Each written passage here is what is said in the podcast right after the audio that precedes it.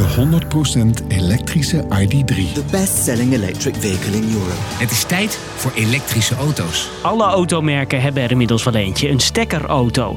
En vanaf 2035 kunnen ze niet anders meer.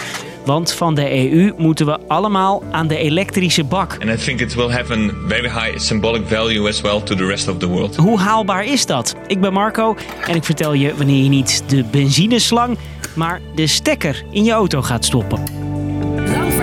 Een podcast van NOS op 3 en 3FM.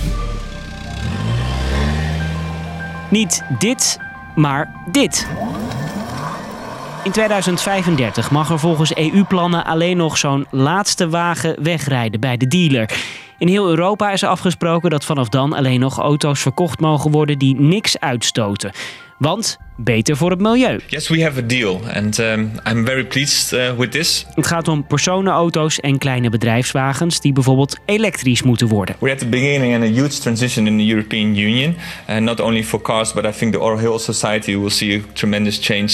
I think this is is is um, how you say quite a milestone. Er moet nog wel flink op het gas getrapt worden. Nu is 1 op de 10 nieuwe verkochte auto's in ons land elektrisch. Maar aan de prijskaartjes bij de gemiddelde autodealer mag dan nog wel wat gesleuteld worden. Hey, goeiedag meneer. Als je nu langs van die glimmende stekkerbolides wandelt in een showroom, zijn de gemiddelde prijzen nog hoog. Kijk, laat u even deze rode zien. Helemaal elektrisch. 33.000 euro. Maar die wegligging, onbetaalbaar. Bloomberg schat dat nieuwe stekkerauto's over vier jaar een stuk goedkoper zijn. Omdat er meer van gemaakt worden en accu's minder duur worden. Ja, ik heb hier een leuk pakje. Die is blauw. Ja, dat is wel een benzine. 19.000 is die. Eh, maar die hiernaast is helemaal elektrisch. Dat is net zo duur. En nog eens vier jaar later, in 2030, kost een gemiddelde stekkerauto nog minder. Bent u er nou alweer? 16.000. Mag u zo wegrijden, hup. Vriendenprijsje. En zo moeten ook tweedehands elektrische auto's goedkoper worden. Deze is van een oud vrouwtje geweest. Ja, die heeft er maar een paar jaar in gereden. Kijk, sportvelgjes, leuk wagentje hoor. 8000. En vooral dan neemt elektrisch rijden een vlucht. Want er worden elk jaar 2 miljoen tweedehands auto's gekocht in ons land. En maar 320.000 nieuwe auto's. Bedankt trouwens, Eh, ik neem hem. Buikbakje hoor. Ga je echt plezier van hebben. Maar dan moet alles wel gaan zoals verwacht. En dat wordt nog wel een dingetje. Volgens Benjamin Sprecher van de TU Delft. Hij is industrieel ecoloog en ziet de prijzen juist niet dalen. Als je die supply chains onder hoge druk zet door heel erg veel extra vraag te genereren, ja, dan, dan ontstaat heel veel chaos. En hoe dat er precies uitziet is moeilijk om te zeggen. Maar het zal ieder geval niet leiden tot lagere eh, prijzen van elektrische auto's. En zo zijn er nog wel wat mitsen en maren, vertelt Benjamin. Vooropgesteld het idee om in 2035 alleen nog maar elektrische auto's te verkopen is leuk. Dat moeten we vooral doen. Maar Dat gaat niet lukken. een belangrijk probleem is volgens Benjamin de grondstoffen die nodig zijn voor elektrische auto's. Die komen bijvoorbeeld uit kobaltmijnen, maar daar hebben we er flink meer van nodig. En dat is niet even een kwestie van een gat graven. Dus je moet je voorstellen dat een nieuwe mijn maken, eh, openen, dat kan 10 tot 15 jaar duren. Dus als je vandaag zegt we willen allemaal nieuwe mijnen hebben, dan eh, oké, 2035, 2037 zo heb je die mijnen. Dus wil je in 2035 al die nieuwe auto's elektrisch maken? Tja, Dan had je al die mijnen die daarvoor nodig zijn, had je nu al gemaakt moeten hebben, of in elk geval in de planning moeten hebben staan. En dat is niet zo. En daarom zal het ook niet lukken. Daarnaast komen veel onderdelen, zoals accu's, zo'n beetje allemaal uit China. Daarvan zijn we nu dus al mega afhankelijk en het wordt alleen maar meer.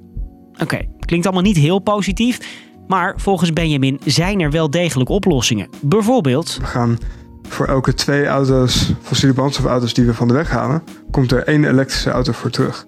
Dus dat je op termijn eh, steeds minder auto's toe gaat, waardoor je gewoon veel minder materialen gebruikt als maatschappij. en dan is het een kwestie van auto's delen. Dat klinkt misschien eng, maar dat zorgt niet voor een slechtere levensomstandigheden. Eh, bijvoorbeeld als je naar deelauto's gaat. Er hoeft niet iedereen een deelauto te hebben, maar auto's staan 95% van de tijd staan ze gewoon niks te doen. Dan kan je nog steeds cruisen, alleen hebben we daar minder auto's voor nodig en dus minder materialen. Wat ook kan schelen, kleinere accu's. We hebben nu allemaal auto's die zo groot mogelijk batterij hebben, zodat je eh, zonder eh, op te laden naar Frankrijk op en neer zou kunnen gaan. Maar dat heb je natuurlijk bijna nooit nodig. Tenzij je natuurlijk naar Frankrijk gaat, maar dan zou je weer een auto kunnen huren. Oh, Frankrijk. Bon, lang verhaal kort. Over 13 jaar staan er geen benzineauto's meer bij de dealer. We moeten over op auto's zonder uitstoot voor het klimaat. Maar de vraag is of er genoeg grondstoffen gaan zijn om die transitie te maken. En wat de prijzen van stekkerauto's dan gaan doen. Zo, wij gaan weer even aan de lader. Dank voor het luisteren en eh rij voorzichtig.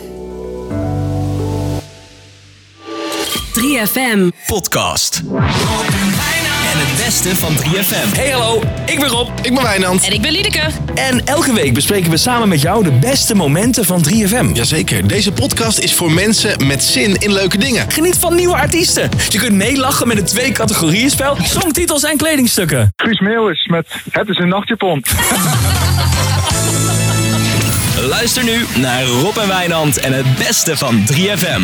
In de 3FM app of je favoriete podcastplatform. Of op YouTube, wist je dat? Oh ja, je kan ook kijken.